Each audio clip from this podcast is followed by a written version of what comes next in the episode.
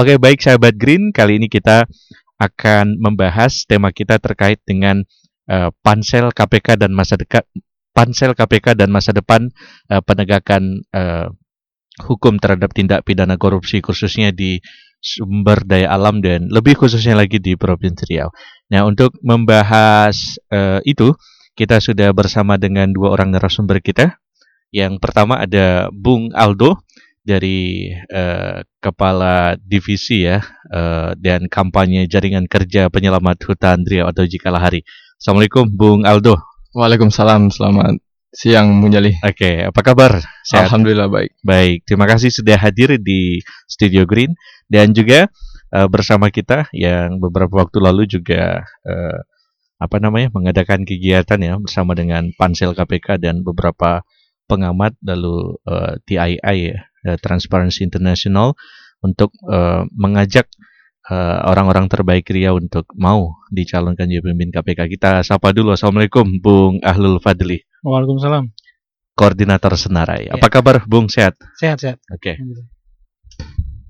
Oke, okay, baik. Eh, langsung aja kita ngobrol bersama dengan eh, narasumber kita. Saya yang pertama mau ke Bung Ahlul Fadli dulu.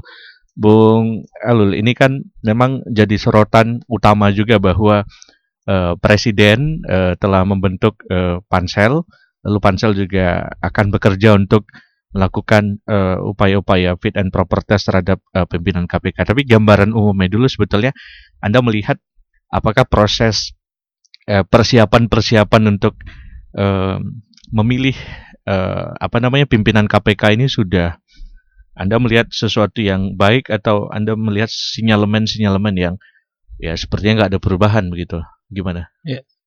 E, dari awal pembentukan tim pansel itu sendiri sudah mulai ada beberapa okay. penolakan ya, mm -mm. terutama di pansel yang dulu ya, nih ya, oke. Okay. Karena kan pansel ini adalah cerminan keseriusan presiden Pak Jokowi itu sendiri. Mm -mm. kalau misalkan dia memilih orang yang benar-benar ingin menyelesaikan sedikit demi sedikit kasus korupsi di Indonesia ini okay. tercermin dari tim pansel itu sendiri. Nah, mm -hmm. uh, setelah di, dikeluarkan uh, tim tersebut uh, ada beberapa penolakan, terutama di Sumatera jaringan anti korupsi Sumatera okay. juga menolak. Ada beberapa orang yang anggota dianggap, pansel yang uh, yang uh, dianggap okay. uh, melemahkan KPK sebelumnya terkait hmm. uh, undang-undang tipikor dan lain-lain gitu nah karena ada indikasi apa dengan orang-orang di dalam pansel uh, banyak yang lebih apa ya kedekatan dengan uh, lembaga pemerintah seperti kepolisian okay. jadi ahli dan lain-lain itu uh, dikhawatirkan akan mempengaruhi dalam proses seleksi calon pimpinan KPK itu nanti gitu. Mm -hmm. yeah. Oke, okay, jadi itu indikasi yang uh, membuat uh, penilaian uh, Anda dan teman-teman terhadap pansel itu dinilai uh, uh, agak agak sedikit lemah lah begitu yeah. ya. Oke, okay. tapi uh, apa yang dilakukan pansel kalau dalam pantauan senarai sendiri memang sampai saat ini sudah uh, seperti apa prosesnya?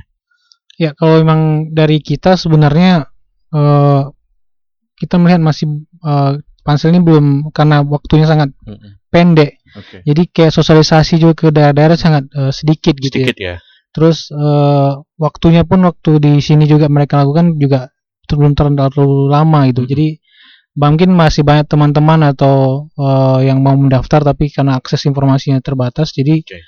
belum bisa dan uh, beberapa hari yang lalu apa teman-teman uh, wadah uh, pegawai KPK juga hmm. membuat tim memantau pansel itu sendiri karena juga oh, gitu ya. Iya, karena mereka juga uh, melihat harus dikawal gitu. Hmm. Makanya bentuk uh, cara mereka mantu dengan bikin tim yang sama okay. agar yang dipilih itu benar-benar uh, memperbaiki internal hmm. KPK itu dan itu, bisa ya. ya. Itu lembaga internal KPK yang membuat ya, wadah pegawai KPK wadah pegawai itu. KPK ya.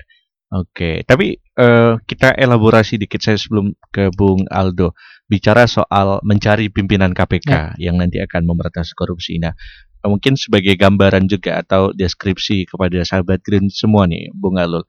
Um, catatan Anda sendiri sebetulnya uh, terhadap uh, kinerja dan sepak terjang KPK dalam uh, memberantas kasus-kasus uh, korupsi apalagi korupsi sumber daya alam.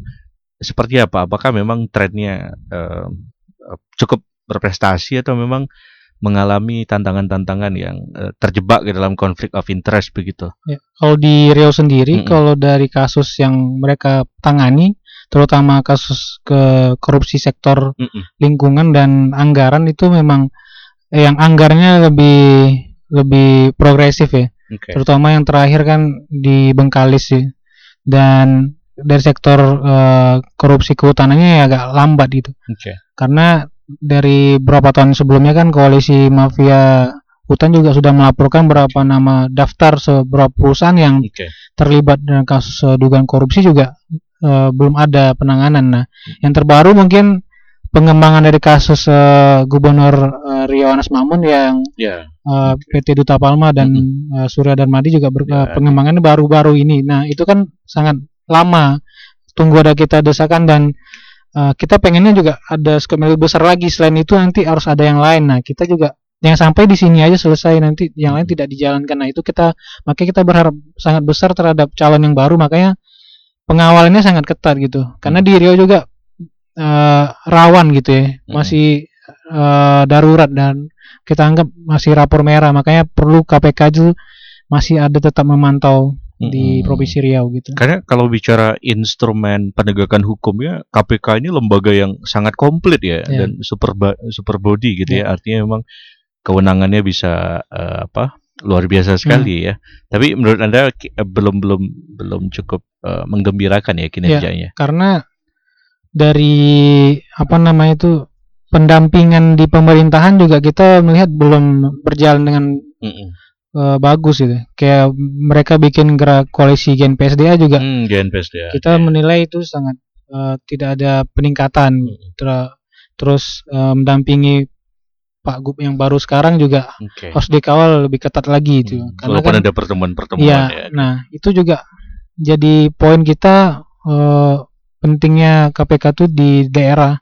Makanya ketika salah memilih hmm pimpinan KPK di tingkatan uh, uh, level di atas nah, akan mempengaruhi di kebijakan dia dalam memberantas korupsi di daerah gitu. Oke oke oke baik. Saya ingin geser ke Jikalah Hari. Ada Bung Aldo. Bung Aldo, uh, menurut anda ini apa namanya uh, Jikalah Hari yang selalu konsen untuk uh, mengadvokasi dan mengkritik ya berbagai macam kelambanan dalam penegakan hukum. Uh, anda melihat ada ada apa namanya ada hal menarik tidak dalam konteks uh, proses seleksi pimpinan KPK dengan uh, semangat untuk betul-betul menuntaskan uh, persoalan korupsi sumber daya alam yang ada di Riau. Anda melihat uh, apakah nanti akan ada hal yang uh, mengejutkan atau signifikan mungkin lahirnya pimpinan KPK yang betul-betul sesuai dengan harapan. Gimana Bung Aldo? Oke, okay, uh, terima kasih Bung Jali. Ya. Sebelum uh, sebelumnya juga kita harus menginformasikan memberikan tahu pada masyarakat bahwa lahirnya KPK itu kan sebenarnya sebelum kita bicara ke pansel itu. Oke. Okay. Uh, ada sebelumnya kan sudah ada penegak hukum di Indonesia. Namun uh, penegakan terhadap korupsinya kan sangat minim sekali minim. sehingga lahirlah sebuah lembaga yang memang uh, bisa menjadi uh, untuk uh, agenda bersih-bersih di Indonesia ya. bersih-bersih okay. Salah satunya itu uh, lembaga ini ada Komisi Pemberantasan Korupsi kan. Okay. Uh, saat ini kita melihat pansel itu ada empat poin penolakan dari mm -mm. Uh, lembaga uh, dari CSO itu pertama okay. itu terkait masalah etik. Okay. Uh, yang kedua yaitu ada tindak tidak berpihak kepada KPK dan semangat anti korupsi karena beberapa nama pansel itu uh, kita melihat sebagai tim yang merancang undang-undang KUHAP yang cenderung melemahkan pasal-pasal yang digunakan oleh KPK begitu. Selanjutnya itu ada membela koruptor. Karena beberapa nama pansel juga uh, setelah di track record okay. itu ada yang menjadi advokat koruptor oh, sehingga yeah. ini bagaimana pansel ini akan memilih orang-orang yang berintegritas melawan korupsi sementara dia sendiri yeah menjadi advokat untuk persoalan etik ya. Iya, begitu. Okay. Yeah. Selanjutnya itu uh, yang keempat itu bukan dari unsur anti korupsi. Sehingga uh, teman-teman terus menolak pansel itu dan meminta Presiden Jokowi untuk merombak gitu. Dan selanjutnya keresahan keresahan semakin timbul itu ketika pansel ini mengunjungi institusi kepolisian okay. dan berharap komisioner itu ada di uh, dari, dari kepolisian. dari kepolisian begitu. Sedangkan kita ketahui bahwa ada beberapa eh, kasus-kasus yang melibatkan institusi Polri itu yeah. sangat apa namanya tidak tidak menguat gitu. Okay, okay. Sehingga kasus-kasus yang sudah ada hilang begitu saja yeah, begitu menjadi bagaimana apalagi kalau itu baru penyidikan yang dari Polri tapi bagaimana jika komisionernya dari institusi mereka itu sendiri begitu. Oke, apalagi beberapa yang disampaikan oleh Pansel kemarin beberapa catatan penegakan hukum ya banyak kasus-kasus yang menyeret pejabat-pejabat tinggi kepolisian ya. justru tidak selesai ya. Nah, jadi Bung Aldo semacam ingin mengingatkan wah ini bagaimana mungkin nanti bisa bersih-bersih kalau memang uh, memakai sapu yang kotor ya. kira-kira begitu ya. Oke. Menurut teman-teman nih dari Bung Aldo ataupun Bung Alul sebetulnya um, apa ya kalau dibilang uh, apa sih sebetulnya kesulitan kesulitan terbesar bagi bagi KPK ya? Saya ingin bicara KPK bagi KPK sebetulnya untuk uh, apa namanya untuk masuk ke dalam uh, penegakan hukum yang betul-betul progresif signifikan gitu kan. Padahal kalau kita bicara undang-undang KPK ya tahun 2002 itu mereka lengkap sekali instrumennya. Bisa uh, uh, penindakan, uh, penuntutan, bahkan penyadapan, seluruh instrumen hukum yang bahkan di ranah privat pun mereka bisa bisa masuk gitu ya. Tapi uh, semacam tidak tidak apa ya untouchable, tidak tersentuh juga itu apa orang-orang yang menjadi koruptornya gitu. Menurut Bung Aldo dan Bung Fadli, di mana problemnya? Bung Aldo dulu. Oke, okay, uh, terima kasih Bung Jali. Ya. Uh, kita juga harus mengetahui bahwa agenda KPK ini kan juga banyak eh, berlawanan dengan agenda politis begitu. Okay. Ketika ia ingin menetapkan seseorang menjadi yeah. tersangka itu komisionernya kan ada lima orang. Okay. Pasti ada perdebatan. Di satu sisi ini ingin menetapkan secara cepat, di satu sisi ini ingin tunggu dulu. Tunggu dulu. Kenapa? Karena oh ini partainya ini, ini masih dekat sama si ini begitu. Hmm. Sehingga itu yang membuat uh, penegakan hukum itu berjalan lamban begitu. Okay. Tapi ketika uh, kita kalau kita melihat progres mm -mm. terkait kita kan mantau di sumber daya alam aja Jali okay. karena kita fokus di situ begitu. Ketika kita bicara uh, penegakan hukum kasus-kasus SDA itu jauh lebih baik ketimbang yang ditangani oleh uh, kepolisian. Yeah. Karena kepolisian juga menangani tindak pidana korupsi begitu. Kita tahu, misal di Riau, di Riau itu sudah ada poldanya. Hmm. Uh, sudah ada Polda Riau, di situ ada Reskrimsus atau di bagian dari Reskrimsus kan ada tindak pidana korupsi. korupsi ya. Tapi uh, dia tidak berani menetapkan pertama gubernur uh, di zaman Rusdi Zainal, yang kedua Anas Makmun. Hmm. Terus uh, beberapa korupsi uh, korporasi yang terlibat korupsi kehutanan. Tidak satu pun uh, kasus-kasus ini diangkat oleh kepolisian. Begitu. Tapi ketika ini ya, ke, dengan adanya KPK walaupun uh, ada perdebatan begitu, tapi mereka progres ada menetapkan uh, korporasi sebagai tersangka, terus ada perorangan hmm. dan banyak lagi di daerah-daerah lain yang memang di wilayahnya itu sudah ada uh, penegak hukum yang untuk korupsi ini tapi tidak berjalan lancar begitu.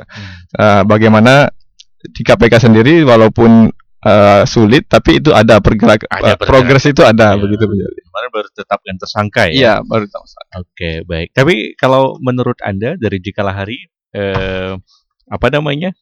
Apakah eh, Anda melihat ada hubungan yang tidak harmonis antara KPK dengan uh, institusi kepolisian spesifiknya di level Riau, Bung Aldo? Uh, kalau di Riau kita belum melihat itu ya. menjadi karena uh, pergesekannya belum terlihat karena ada eh, kasus-kasus uh, yang ditangani KPK hmm. dan Polri mungkin bisa ber, ber, ber, berjalan gitu. Tapi kalau kita lihat isu di nasional itu kan sangat sangat menggema sekali itu ada yang isunya cicak versus buaya ya. gitu dan okay. kalau kita lihat yang sekarang ini bisa jadi cicak itu ditelan sama buaya. Oke oke oke. Baik, jadi memang konflik of interestnya tinggi sekali. Iya. Bahkan uh, beberapa pengamat menyebut uh, proses penyeleksian pimpinan KPK itu dimensi politik ya, ya. sangat benar. kuat ya ketimbang memang dimensi profesional ya. Bung Alul, Anda sependapat itu memang pansel ini eh, proses seleksi pimpinan KPK ini eh, lebih politis ketimbang kesan profesional ya. Sejauh ini ya, gitu ya. Clear, kami melihat seperti itu hmm. karena dari uh, ketika presiden mengeluarkan daftar nama itu juga uh, kita bukan malah uh, berbangga malahan juga pilihannya kok ada beberapa orang yang yang seperti Aldo bilang tadi punya track record yang malah melemahkan KPK gitu dan juga ada jadi apa menjadi uh, pengacara juga kan uh, koruptor nah dan terkait yang ditangani KPK juga memang uh, skala prioritas kalau kami lihat gitu okay. uh, mana yang lebih aman gitu uh, kasusnya dan tidak punya tendensius politik yang tinggi gitu ya. itu sangat mudah gitu dan uh, gembar-gembornya tidak hanya mungkin dua hari tiga hari nah ketika skala politiknya terlalu tinggi mereka akan pikir-pikir juga dan mungkin cari waktu yang tepat tapi kan bagaimanapun isu yang kita dorong kalau konteksnya di lokal kita masih mengharapkan lebih daripada itu gitu mm -hmm. karena belum kami anggap ini belum selesai kalau memang KPK anggap KPK itu bilang udah sampai di kasus RTRW ini aja misalnya kasus korupsi okay. uh, yang kemarin itu masih belum gitu nah kita pengen lebih dari itu pengembangannya bagaimana jangan sampai uh, ada calon kepala daerah yang di Riau itu ada lagi yang tersandung kasus uh, lingkungan gitu hmm. Nah itu yang kita pengen karena juga uh, di luar itu juga ke pengennya juga pimpinan itu juga harus menjaga uh, rumahnya KPK itu sendiri hmm. karena di internal juga banyak yang uh, tidak baik gitu hmm. karena kayak ada kebocoran informasi, okay. penghilangan uh, barang bukti barang. dan internal juga tidak uh, netral. Nah, itu juga harus jadi PR dari calon yang baru ini nanti gitu. Nah, internal belum selesai apalagi dia mengurus kasus-kasus yang besar korupsi gitu. Nah, itu yang harus dipikirkan oleh calon yang baru ini. Tapi saya ingin tahu mungkin dari apa kalau bicara soal eh, skenario penegakan eh, hukum dalam konteks tindak pidana korupsi sektor sumber daya alam sejauh ini catatan jika hari atau senarai eh, apakah ada apa ya ada strategi yang yang nampak betul-betul melibatkan KPK atau memang eh, selama ini Eh, sama sekali tidak tidak tidak melibatkan begitu. An melibatkan KPK dengan siapa ini? Uh, misalkan kepolisian yang yang memimpin langsung bahwasanya uh, ada indikasi misalnya korporasi A kan ini kan terjadi kebakaran hutan dan lahan hmm. terus dideteksi ini kawasannya ini miliknya ini. Nah artinya kan uh, di situ bisa kemudian apa ya ada skenario penegakan hukum secara kolaboratif dengan KPK. Nah di beberapa kasus yang teman-teman lihat ada nggak upaya itu dari Polda untuk kemudian cepat-cepat mengundang KPK? Tidak. Kalau sejauh ini uh, kalau kasus-kasus yang kita lihat tidak ada sedikit tidak pun uh, koordinasi antara mm -mm. Uh, KPK dan Pol, uh, Polda, Polda atau kepolisian. Mm. Karena bisa jadi ini bocor kalau kalau kalau koordinasi karena, bisa jadi bocor. Karena KPK itu kan bisa masuk jauh ya, lebih dalam kan ya. ketimbang polisi. Salah kan? salah satu contoh yang seperti ya. kasus yang lagi hangat ini uh, kejaksaan yang di OTT ya, okay. oleh KPK. Mm -mm. Kan uh, kepala kejaksaan meminta bagaimana agar berkoordinasi. Betul, betul. Bagaimana bisa berkoordinasi kalau ini akan bocor nantinya dan OTT gagal begitu. Ya. Dan kita lihat di kasus-kasus SDA uh, KPK ini mulai sejak zaman Abraham Samad. Abraham Samad itu mulai progresif yang dahulu belum pernah menetapkan korporasi. Ya. Pertama kali korporasi ditetapkan di zaman Abraham Samad dan sampai saat ini. Dan itu eh, kasus-kasus itu sebenarnya berada di wilayah uh, ada di masing-masing wilayah ada poldanya, ada kepolisian, tapi itu mereka tidak mencium sampai ke sana begitu. Dan yang terbesar juga kasus suap tambang Nur Alam yang di Kalimantan, hmm, Kalimantan itu. Ya itu juga uh, salah satu kasus SDA yang cukup besar uh, nilai nilai kerugian, kerugian negaranya begitu dan itu juga lagi-lagi KPK berjalan sendiri begitu karena memang di dalam internal KPK saja bisa bocor begitu apalagi KPK menggandeng yang lain lembaga lain begitu oke tapi emang prioritasnya ke sumber daya alam udah mulai nampak ya. Bunga Lul ya. Oke. Baik, harus optimis ya walaupun ya. memang persoalannya luar biasa sekali ya kalau kita baca website Cikalari itu penuh dengan analisis-analisis data soal korporasi-korporasi yang terindikasi kuat uh, kasus korupsi. Nah, menurut Bung Aldo dan Bung uh, Fadli, sebetulnya bagaimana me, apa ya? Bagaimana men mensinkronkan uh, kan udah ada GNPSDA. Gimana betul-betul mensinkronkan gerakan penegakan hukum dan anti korupsi ini betul-betul bisa menjadi uh, action antara nggak uh, hanya lembaga penegak hukum tapi juga uh, organisasi civil society, kelompok-kelompok masyarakat dan gerakan-gerakan sipil. Selama ini kan terasa terpisah ya. Ibaratnya KPK jalan terus dengan penindakannya, nah civil society jalan terus dengan kampanyenya gitu. Nah, gimana ke depan menyatukan itu antara penindakan, pencegahan dan kampanye anti korupsi? Bung Aldo dulu. Oke, uh, terima kasih Bung Jali. Uh, kalau untuk kerja-kerja bersama dengan KPK sebenarnya jika lari sudah lama untuk itu Bung Jali. Uh, kita sudah sudah lama juga dan banyak melaporkan kasus-kasus yang terjadi di Riau. Yeah. Namun memang uh, ada ada progres ada dari okay. Misal dari 100 laporan dua yang ditindaklanjuti berarti itu kan memang sudah ada progres. Tapi memang perlu koordinasi-koordinasi terus juga uh, bekerja sama dengan pimpinan-pimpinan kepala daerah yang ada di Provinsi Riau. Itu perlu perlu kita bangun komunikasi untuk untuk agar uh, pencegahan korupsi itu bisa dilakukan. Karena memang uh, korupsi ini kan sebenarnya tidak dilakukan oleh satu orang, misal kepala daerah, tapi ada banyak kaki tangannya yang ya. yang yang mengajak beliau begitu. Uh -huh. Bagaimana seorang gubernur atau bupati korupsi itu pasti ada uh, staf-staf yang dibawanya. Ketika bupatinya naik, uh, gubernurnya naik, namun staf-stafnya tidak diganti, ya itu sama saja, sama saja itu bakal melahirkan uh, target-target baru begitu.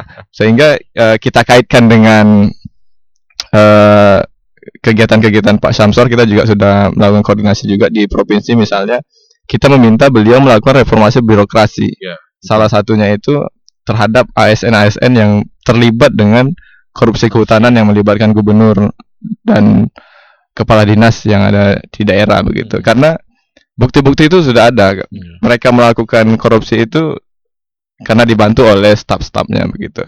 Sehingga siapa pun bupati, siapa pun gubernur kalau mereka masih menjabat di situ itu sama yeah. saja mem, pintu masuk begitu. Okay. Jadi caranya itu ya saling saling berkoordinasi kita baik, baik NGO, pemerintah provinsi agar uh, bersih agenda bersih-bersih ini memang benar-benar dilakukan begitu.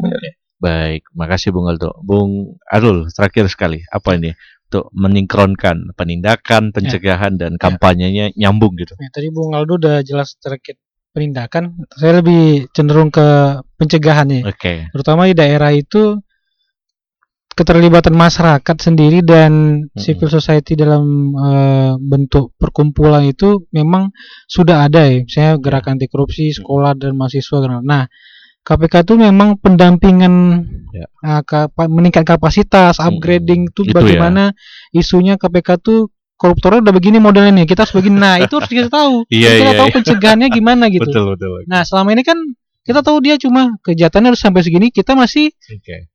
hanya sebatas bikin petisi, cuma hanya demo-demo. Nah, itu kan masih standar. Nah, ya. kita pengen tahu cara yang lebih extraordinary-nya bagaimana Apa pencegahannya ya? kita juga pengen tahu nah perlu KPK yang jelasin ke okay. jaringan itu jadi, jadi senada sama okay. nah juga uh, kemudian di luar itu uh, terkait uh, sinkronisasi sebenarnya si apa teman-teman jaksa dan polisi itu juga harus memperbaiki diri karena kan uh, kepercayaan publik terhadap yeah. dua lembaga ini juga berkurang. Nah, berkurang. internalnya harus perbaiki dulu hmm. sehingga menghasilkan penyidik yang baik biar KPK itu bisa bekerja dengan hmm, bagus. Okay, baik, nah, baik. itu yang kita pengen sinkronnya sih di situ. Di situ ya. Jangan jangan jangan mengambil kasus gitu. Nah, diperbaiki internalnya Internal. itu kita pengennya gitu. Oke. Okay. Nah, okay. itu sih, Bung. Baik, baik. Terima kasih, yep. Bung Ahlul Fadil. Bung sedikit menambahkan ya, sedikit aja, singkat Jadi, aja. Uh, seiring apa uh, zaman kan makin teknologi yeah. semakin yeah, canggih okay. Jangan-jangan koruptornya udah 4.0. kita nggak tahu itu makanya kita pengen tahu. Iya iya iya. Lembaga mesti nah, 4.0 juga iya, ya. Jangan hanya okay. koruptornya saja yang 4.0. Baik baik oke okay. ini Nah, iya baik itu semacam metafor ya sahabat bahwa korupsi memang semakin canggih. Nah, skenario pencegahan dan uh, penindakan kita juga harus canggih. Kira-kira begitulah ya. Terima kasih Bung Aldo dari Jikalahari dan Bung uh, Fadli dari Senarai.